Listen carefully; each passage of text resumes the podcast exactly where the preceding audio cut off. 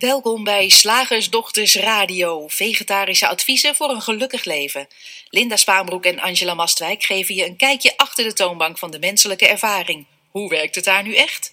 Wij maken gehakt van ingewikkelde concepten en fileren met liefde ook jouw leven. Dat alles onder het motto geluk. Mag het een onsje meer zijn? Hi luisteraars, ik ben Linda en vandaag is het slachtoffer naast mij. Angela, subtiel. Heel subtiel, heel subtiel. Ja, wij wilden het vandaag heel graag met je hebben over slachtofferschap, subtiel slachtofferschap. Eh, eigenlijk wetende en ook zelf ervaren hebbende eh, dat, dat niemand bewust slachtoffer wil spelen. Wat wel regelmatig voorkomt, is dat we het anderen zien doen. En dan hopen we van harte dat wij niet in die valkuil trappen. En, eh, en daar lijken we best goed in te slagen. Hè? Uh, Ja. de, meeste van ons kennen het liedje van Brigitte Kaandorp. Ehm, Ik heb een heel zwaar Ja. leven. en dan hebben we toch eigenlijk altijd het idee van ja. Nou ja, Ja, dat, is, dat inderdaad wel heel erg zeg. Als je zo bent, als je zo doet. Eh, gelukkig, gelukkig ben ik zo niet. Nee, nee gelukkig ehm, ben ik een powervrouw en eh, houd ik mij daar niet mee bezig. Ja. Nou, wij denken dat het tegenvalt. dat als we er een beetje beter naar kijken, dat je misschien het liedje van Brigitte Kaandorp nooit meer kunt zien zoals je het, of nooit meer kunt horen zoals je het tot nu toe hebt gehoord. Dus ehm, ja, jij mag de aftrap doen, want jij Ja. hebt veel ervaring. Ik Ja. ook hoor, ik ook, maar Ja, met subtiel slachtofferschap. En ik wist het echt niet. Ik wist echt niet dat er, dat er ergens eh, in, in mij een soort gedachtespoortje liep wat het nou ja, logisch maakte om, ja, om, om dingen te zeggen of dingen te doen of te laten waaruit moest blijken dat ik toch eigenlijk wel slachtoffer was zonder dat ik dat dan expliciet zei of overdreven liet merken. Kan je, daar- je? kan je nog een voorbeeld daarvan bedenken? ik vind het heel, weet je dat ik het heel lastig vind om terug te gaan in de tijd? Wel bij, bij grote dingen, weet je wel, van oh ja, oh ja dat, dat, dat kind met die eetstoornis en oh ja, een scheiding en dat, met grote dingen. Maar met, met dit soort dingen Nou ja, maar- kan ik het heel Noem dan, lastig noem, zien. dan, noem dan even zo'n groot ding als die scheiding. Want Ja, ook daar oh ja, dat, dat, dat, kan je natuurlijk, daar kan je ja, in staan. precies, Zo van, dat je dan ja, zo maar het heel- is mijn eigen keuze. Dus. Ja, precies. En dan eh, bijvoorbeeld er tussendoor even zeggen van, maar hij dronk wel dagelijks of zo. Mm. Hè, en nou, je ziet het, jij trekt al gelijk een soort begrijpende, medelevende blik. Nee, maar lieverd, dan begrijp ik dat je die stap neemt. En, Ja. en dat is ook heel vervelend voor je. Ja. En, ehm, nou, en het klinkt echt zo heel normaal, zou ik bijna willen zeggen. Van dat, dat ik een verklaring geef van waarom ik ehm, daaruit stapte. En, en, toch, en toch heb ik gemerkt dat, dit is dan een, een voorbeeld en misschien herkenbaar, dat ik dat heel vaak deed. En, en ook herkenbaar, bijvoorbeeld, ja, nog eentje, als we erover praten komt het vanzelf op hoor. Dan, ehm, ik kan mij bijvoorbeeld herinneren, dan, we gingen een keer op wintersport en ik had destijds een, eh, een, op dat moment een, een vrij grote vertaalklus en ik wilde die afmaken voordat wij op wintersport gingen met het gezin. En ik had dus echt gewoon tot s'nachts, we moesten om zes uur weg, ik had tot, tot half drie door zitten werken om dat, eh, om dat af te krijgen. En, ehm, en dat, dat meende ik dan ook te moeten melden. Oh, zeg, gaan jullie lekker op vakantie? Ja, maar ik heb wel tot half drie eh, nog even die klus afgemaakt. Een soort, het klinkt zo van, oh, ook wel stoer. En ook, maar toch ook een beetje van, kijk mij eens hard werken. Of kijk mij eens. Nou, dat zit er misschien meer in. Kijk mij eens hard werken. En niet, niet in een, maar een beetje slachtofferig. Krijg je een beetje er- gevoel zit voor wat zit ik er- wil? Nou, zit er, ook een beetje, zit er ook een beetje iets bij dan van...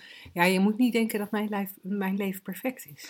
Oh ja, zo. Zou dat kunnen? Ja. Of je moet. Nou, wat, wat mij betreft, mij werd vroeger natuurlijk altijd.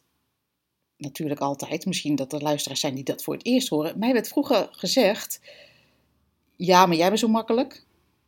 Jij hoeft nooit ergens iets voor te doen. En eh, nee, maar dat is maar makkelijk. En dat ik dan ergens dacht van nou, ik moet wel laten merken dat het niet zo makkelijk is als dat het er aan de buitenkant uitziet. Terwijl ik nu denk, wel, het is gewoon zo makkelijk. Ja. Punt. En als je dat vervelend vindt, ja, dat is niet mijn probleem.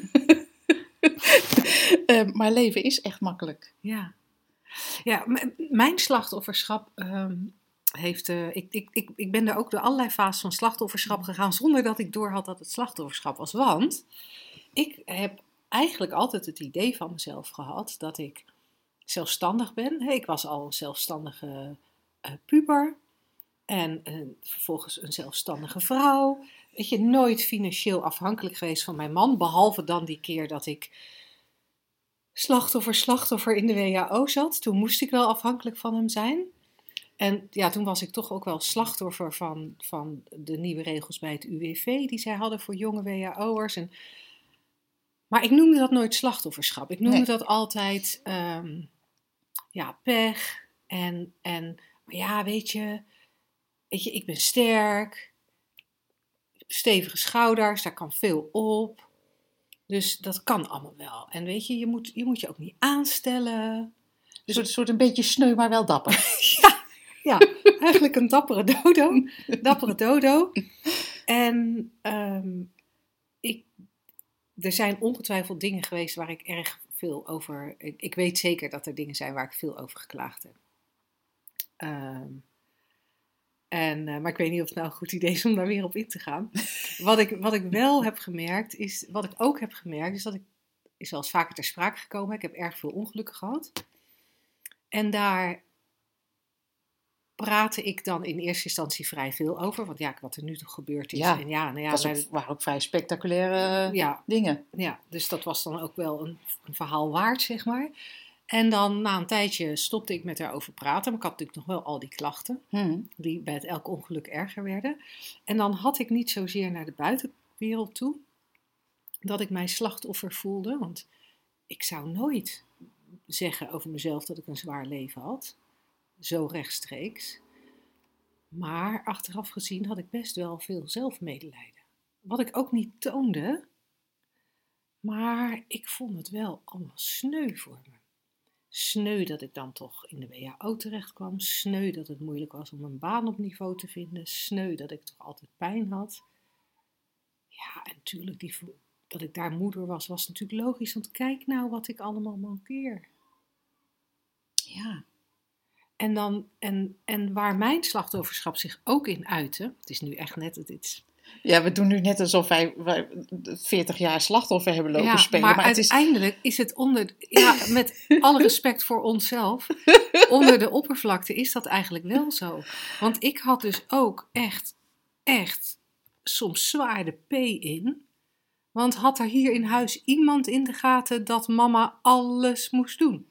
Oh, dat is een hele herkenbare, denk ik, voor veel luisteraars.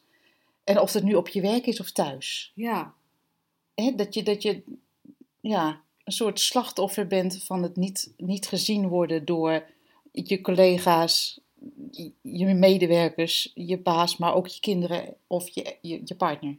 ja je wou bijna zeggen je ex-partner. Of Nee, ik wou zeggen echtgenoot. Oh, maar ik dacht, ja, maar het kan ook echtgenoten zijn. Of anderszins samenwonend of niet. Of ik dacht, partner lijkt me veel veiliger. en en eh, simpeler.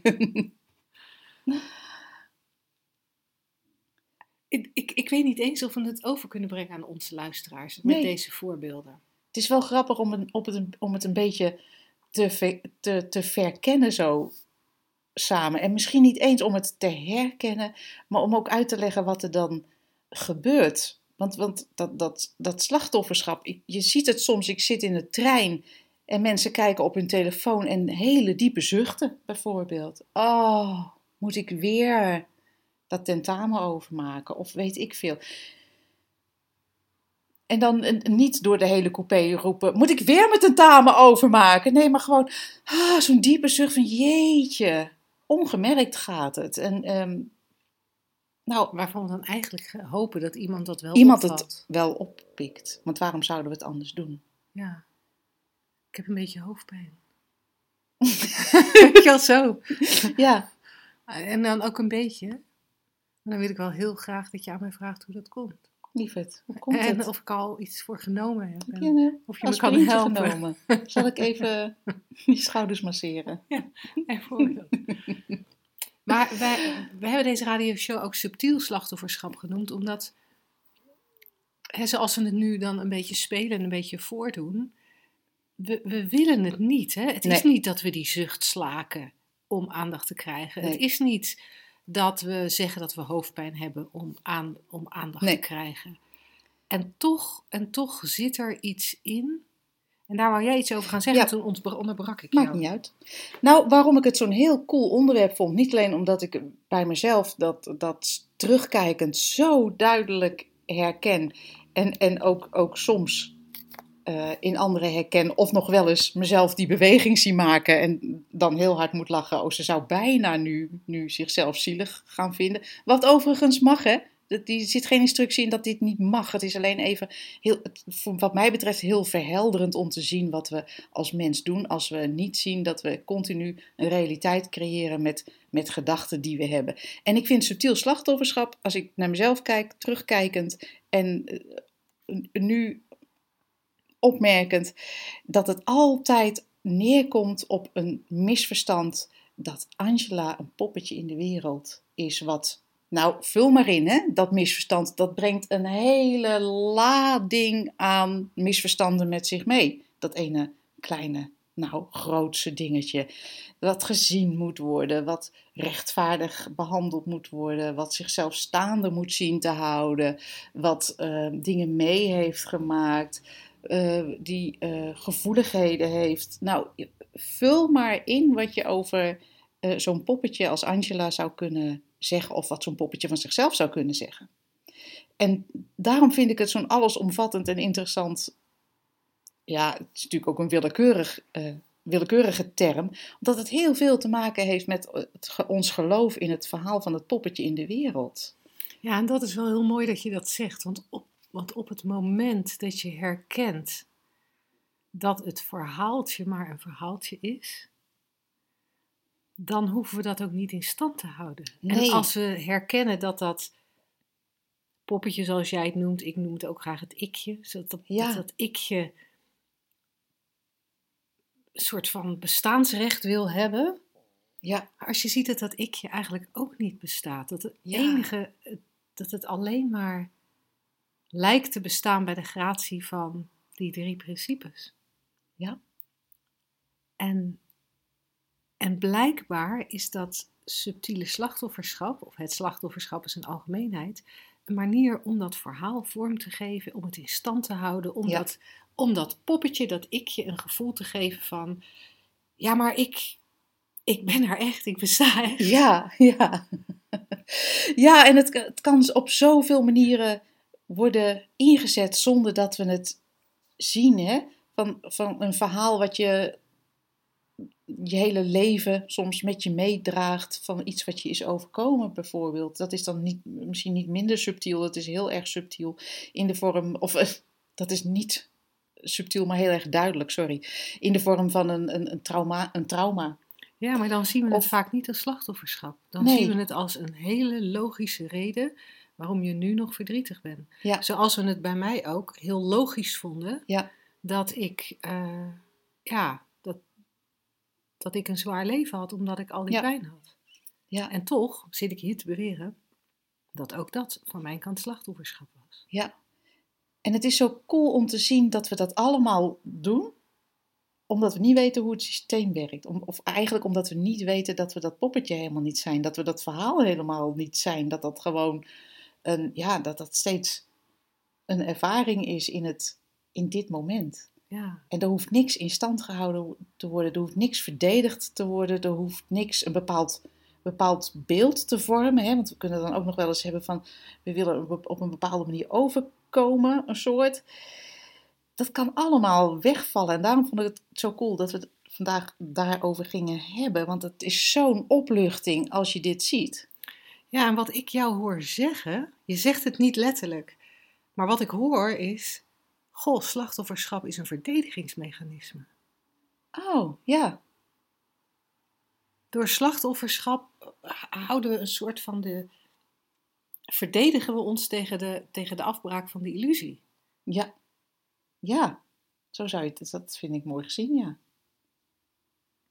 En als je, als je ziet, als je een beetje begint te zien, dat dat ikje of dat verhaaltje of dat poppetje een illusie is, dan is het verdedigingsmechanisme niet of veel minder nodig. Ja. En dan valt dat automatisch weg. man, dan vallen er ook zoveel, valt er ook zoveel behoeftes weg.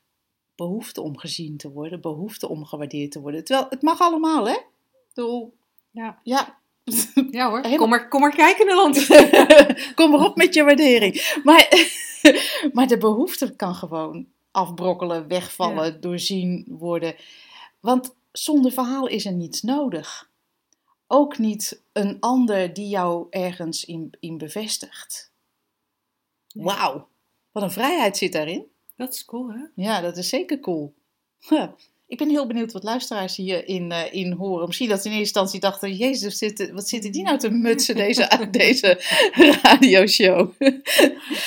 maar ehm, ja, ik ben heel benieuwd. De laatste keer dat ik, dat ik mijzelf betrapte op bijna subtiel slachtofferschap. Het was echt gewoon, ik heb zo hard gelachen om mijzelf. Ik zat in mijn, zal ik het even vertellen? Ik Ja. zat in, mijn, eh, in, in de camper. Het was afgelopen winter en het was even heel koud. En we waren een raam, was, wa- we verloren op de snelweg, dus het was ook nog ehm, vrij winderig. Die was dichtgeplakt met een, eh, met een eh, stukje karton en het regende buiten. En ik stond op een hele grote. Ja, ik ga even heel Ja, dramatisch, ja, nee, hè? nee, Nee, het is het, is alle subtiliteit te zeggen. Het is gewoon één groot slachtofferschap. En ik stond op een groot eh, parkeerterrein. ehm, met weinig faciliteiten verder. En een van de verwarmingen in die camper viel ook nog uit. En mijn partner was lekker naar het zonnige zuiden vertrokken. Hij wel. Hij wel. En, eh, en ik stapte die koude, klamme camper in. ik ga het lekker overdrijven ook. En, eh, en, en toen, er was ook nog geen internet, want de, die verbinding kon ook nog... Nou, lang verhaal, maakt niet uit. En heel even voelde ik zo'n oude gedachte opkomen van... Nou, zit ik hier? en daarna moest ik zo hard lachen. Zo van, ah, die lieverd. Ze wil slachtoffer spelen. nou, doe dat maar. Maar toen kon ik het al niet meer, omdat ik zo moest lachen om mezelf. Dus toen ben ik me onder een Ja, dekentje ge- ja. gekropen met een boekje. En eh, eh, eh, lekker vroeg gaan slapen. Maar zo grappig om, om te merken als dat opkomt en, en, dat, en dat op dat moment dan te, te doorzien. En dan is het er gewoon niet meer. Mooi, hè? Ja, Zullen we over naar de vraag? zullen we dat gewoon doen? Zeg, slagersdochters, hoe bak ik die vegaburger? Over naar de luisteraarsvraag. Dit is een vraag van Iris en eh, over gedachtentreintjes. Als mijn, eh, ze zegt, ik volg jullie al een tijdje en nu heb ik een vraag over de gedachtentreintjes. Als mijn zoon op het aanrecht een plakje kaas zit te eten en hij vraagt, mama mag ik op de grond? Dan vertel ik hem, lieve Bram, je kan beter op het aanrecht je kaas opeten, anders komt Isa, de hond, jouw kaas opeten. En dat vind jij niet leuk en dan word je boos en verdrietig. Is dat anders komt de hond jouw kaas opeten al een wagonnetje of werkt dit bij dit praatje dan weer niet? Lieve Linda, hoe zit dit? Ehm, kijk uit, Bram, niet zomaar de weg oversteken en ri- rijden je auto's, dat is gevaarlijk, je wilt echt niet platgereden worden. Geldt hier hetzelfde voor? Is dit een angstgedachtentrein en dragen wij die angst ook over op onze kinderen?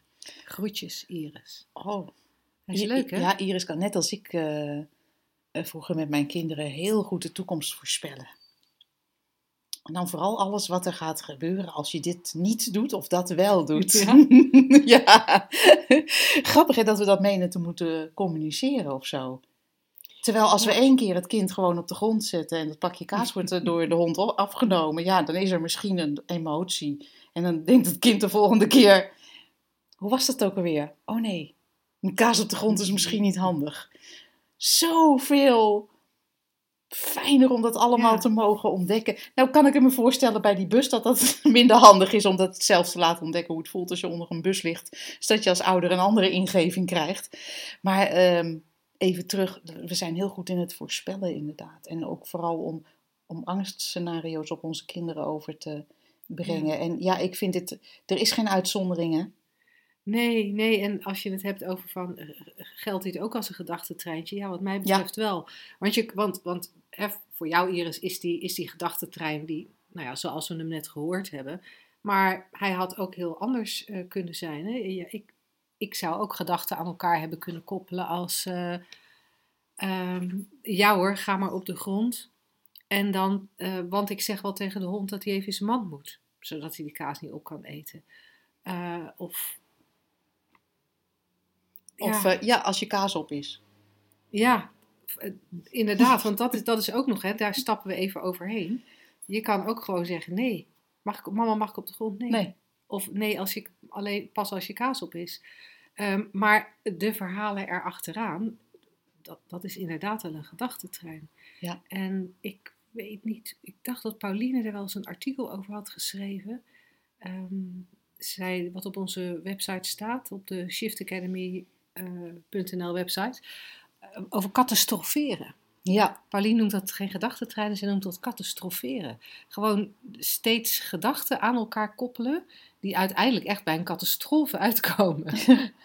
ja. en, en, en dat dan ook overdragen aan je kind. Want tuurlijk, dat je tegen je kind zegt, je mag niet, je mag niet oversteken alleen als hij een bepaalde leeftijd heeft. Of kijk goed naar links en naar rechts voordat je oversteekt. Dat is natuurlijk logisch dat we onze kinderen dat leren. Maar er rijden auto's, dat is gevaarlijk, je wilt niet platgereden worden.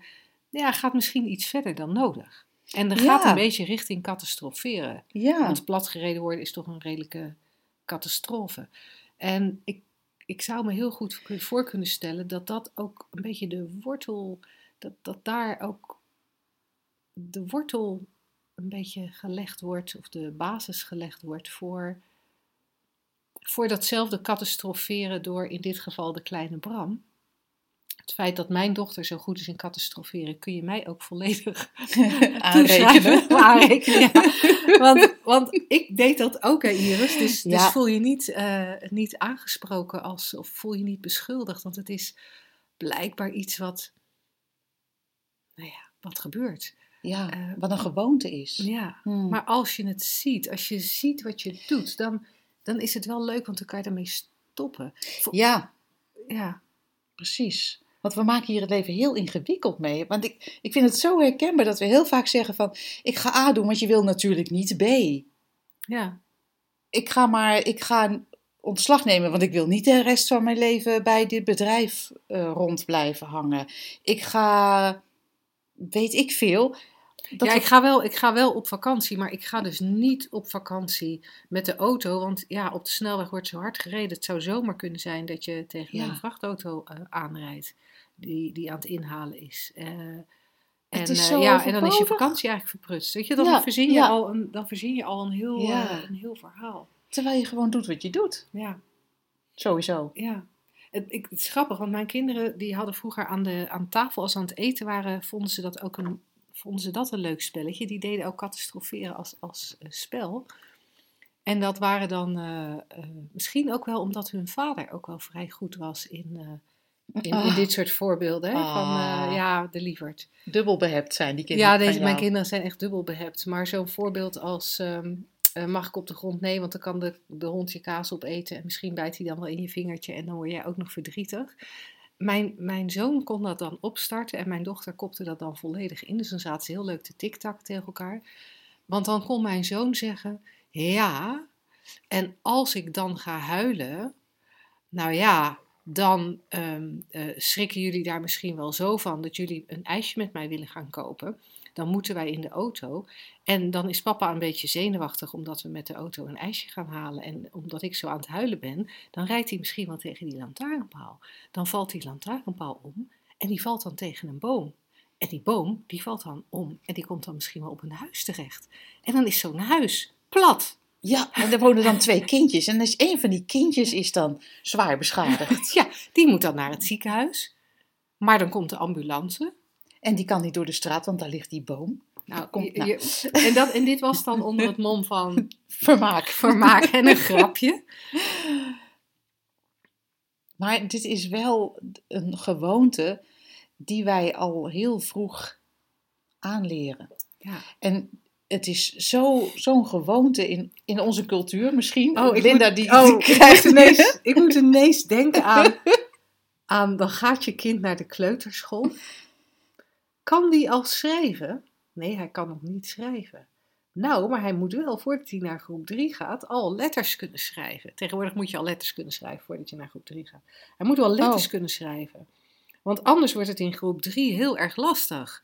En eh, ja, weet je, dan als het in groep 3 eenmaal lastig is, of hij moet blijven zitten, maar dan heb je ook gewoon de kans dat het eigenlijk het hele, de hele basisschool lastig blijft. En dan, ja, weet je, dan kan hij waarschijnlijk toch gewoon, ja, dan komt hij op een VMBO terecht, of misschien eh, eh, zelfs wel basisberoeps. Eh het zou het toch fijn voor hem zou zijn als hij een HAVO-diploma had. En dan zitten wij ongemerkt de hele, de hele schoolcarrière van een vierjarige al te catastroferen. Plus daarna de, de, de, de, de, de loopbaan in het, Ja. in het volwassen leven. En misschien ook wel de partnerkeuze En, en, en de gezondheid. En wat dacht je van moeders die dan s'nachts in bed liggen en hun pubers zijn uit? Die dan na liggen te denken over wat er allemaal kan gebeuren met die pubers die op stap zijn. Ja. Dronkenschap, verkrachtingen, aanrijdingen, Oh, ontvoeringen. ontvoeringen. En dan lig je daar in bed en dan kan je niet slapen en dan denk je bij jezelf, dit komt omdat mijn kind uitgaat en dit komt omdat ik zoveel van mijn kinderen hou en daardoor gebeurt dit.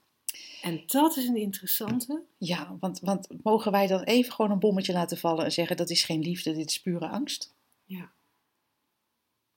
En die angst, die ontstaat echt helemaal alleen aan jouw kant. Ja, Die heeft niks met de realiteit te maken. Ja, ik weet, we kunnen verhalen verzinnen. Er is altijd wel ergens iemand te vinden die dronken geworden is, of s'nachts aangereden, of ontvoerd, of verkracht, of wat dan ook. dan is het vroeg genoeg om daarop actie te ondernemen. Maar dat wat jij nu ligt te beleven in je bed, hè, om dat voorbeeld even door te trekken van die moeder die wakker ligt. Dat, dat wat je nu ligt te beleven in bed, wordt allemaal gecreëerd aan jouw kant, om het maar zo even te zeggen. Ja. Alles wat daar gevoeld wordt, ervaren wordt, heeft niets te maken met waar jouw kind zich op dat moment bevindt. Het heeft alles te maken met het denken en het bewustzijn dat voor jou een prachtige horrorfilm Ja. creëert. En als je dat een beetje door gaat krijgen, waardoor, waardoor dat eigenlijk een soort vanzelf wegvalt. Hè? Als bijverschijnsel noemen wij dat. Het is niet dat je daar hard aan gaat werken, het is niet eens dat je eraf wil, maar het, het kan niet anders dan verdwijnen als het gezien wordt voor wat het is. Hoe cool is het dan als je, wij hebben namelijk binnenkort een eh, shiftdag voor Kinderen opvoeders. jongeren, ja, ja. de- over, eh, over drie dagen, hè, de 22e. Of nou, over vijf dagen, ik weet niet. Nee, over drie dagen. En De, twee, de 22e juni eh, hebben wij een shiftdag voor ouders en begeleiders van, van kinderen en jongeren. En hoe cool is het als je dat voor jezelf weg ziet vallen, zodat je een kind zoveel makkelijker kan begeleiden zonder al deze angstscenario's. En gewoon in alle rust en vanuit liefde en openheid en, en ehm, vanuit het, ja, wij noemen dat wel eens het, het spelen van de vuurtoren, het zijn van de vuurtoren in plaats van ook verdwalen op zee. Hoe cool is dat? Ja. Misschien dat er nog een paar plekken zijn, dat weten we niet tijdens het opnemen van deze radioshow. Maar eh, kijk even op de site onder trainingen. ja shiftacademy.nl en dan onder trainingen, daar, eh, daar, daar vind je de shiftdagen. Eh, en, en dus ook deze shiftdag. We hebben zo door het jaar heen allerlei verschillende thema's. En ja, eigenlijk maakt het thema niet zoveel uit. Want we, wijzen, we wijzen eigenlijk altijd naar dezelfde onderliggende waarheid. Ja, Dus super superleuk als je daar een keer een dagje met ons komt zitten. En als je nou echt de diepte in wil, ha, driedaagse. dan hebben wij de driedaagse. Vind je op dezelfde pagina. Gaan wij over naar het concept. Woensdag, gehaktdag. Zeg slagersdochters, welk concept gaat er vandaag door de molen? Oh ja, ja, je kan hem op twee manieren zeggen. Je kan zeggen, je moet je wel kwetsbaar opstellen. Mhm. Je zou ook kunnen zeggen, je moet je wel kwetsbaar op durven stellen. Oké. Zo. Hoe gaan we deze Dus eens aan? als je even gaat staan hier, Ja? Ja. En, eh, en ja, dan, dan moet je dus de. Ja, dan, dan is er blijkbaar een houding waarin je je. Ik weet niet, dit ziet er niet heel kwetsbaar opgesteld uit. Dit ziet er vrij recht uit. Oké, nu laat Angela haar schouders hangen. Dit is leuker voor de mensen van de community, want die zien ook de video erbij. Ja, het ziet er kwetsbaar uit. Het ziet er meer als een zak aardappels uit. Ik ben niet zo goed in mij kwetsbaar opstellen. Ik heb toch iets gemist in mijn spirituele ontwikkeling dat ik dat niet zo goed kan. Nee.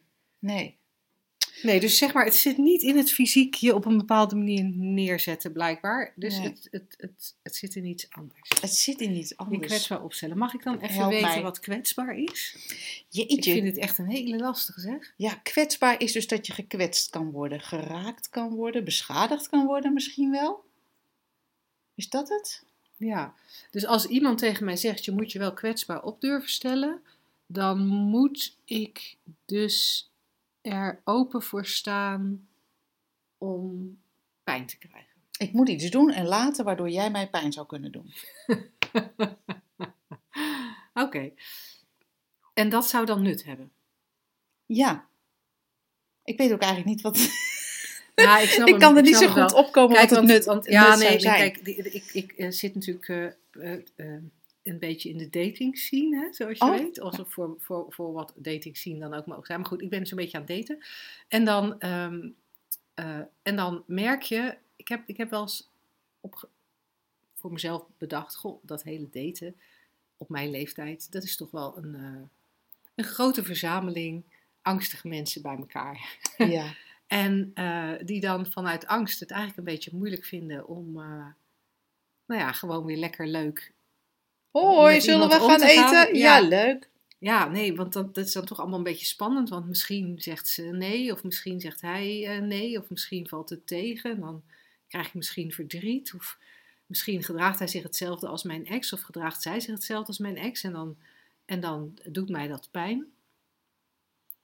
Ehm, dus dan, dan, dan ziet het er voor mij uit alsof mensen eigenlijk best wel het een en ander aan angst met zich meedragen. Mhm. Jij noemde het daar straks eigenlijk ook al van dit is geen liefde, dat is angst. Ja. Dat is, dat is bij dat daten misschien, op dat daten op mijn leeftijd misschien eh, ehm, in veel gevallen ook zo. En dan gaan we tegen elkaar zeggen, ja, je angst is gerechtvaardigd. Eigenlijk, hè, als je zegt je moet je wel kwetsbaar op durven stellen. Ja. Je angst is gerechtvaardigd, Ja. maar doe het nou maar, want wie weet levert het je wel iets op als je, nou ja, misschien is dat kwetsen wel ergens goed voor, leer je daar wat van. nee, dat wordt ook gezegd. Misschien is dat. Ja, nee, je lacht erom, maar ik was dus laatst met een meneer op date en die was er echt helemaal van overtuigd dat als je dan weer een nieuwe relatie kreeg, dat dat was omdat je daar, daar zou je dan ook weer allerlei pijn ervaren, want dat was nodig om te groeien. Oh ja, ja, Ja, is- dat weet je allemaal niet. ja, want het moet wel eens flink pijn doen voordat je wel kunt eh, je- groeien. ja. Ja, ik, ik, ja, nee, vertel verder, want ik, ik, vind, ik vermaak me hier kostelijk. Nou ja, en, en ehm, wat daar dan volgens mij ook weer vergeten wordt, dat ja, er kunnen angstige gedachten zijn. Mhm. En ja, daar kan je naar leven. Ja. Je kan ze ook doorzien voor wat ze zijn. Namelijk, hey, gedachten in het moment. Ja. Dus ik loop ook wel eens naar zo'n restaurant met een kriemel in mijn buik, omdat ik denk, ja, Waarom wie niet? ga ik aantreffen? Ja, En, en die gedachte, wie ga ik aantreffen? Nou ja, dat roept blijkbaar een bepaalde sensatie op in mijn lijf. Hè? Dat be- mijn bewustzijn tuurlijk. creëert daar fijn die animaties bij. Dus, dus, dus voel ik dingen in mijn lijf. En, eh, en, en dan, dan kriebelt er iets. En dat kan ik zien als angst. Ik kan het zien als zenuwachtigheid. Ik kan het zien als prettige spanning. Ik kan het zien als anticipatie. Ik kan er eigenlijk elke term aan geven die ik wil. En, en ik kan herkennen: hé, hey, het, het systeem werkt. Ja, Ik heb een menselijke ervaring. En, en, en het maakt niet uit. Want kwetsbaarheid bestaat wat mij betreft helemaal niet. Nee. in die vorm waarin wij geloven, waar we het net ook al over hadden, waarin wij geloven dat er een Lindaatje is dat alleen is op de wereld en voor zichzelf moet zorgen, zou het logisch kunnen zijn om überhaupt bezig te zijn met: kan ik dit zeggen? Moet ik mij pijn laten doen? Moet ik dat juist voorkomen?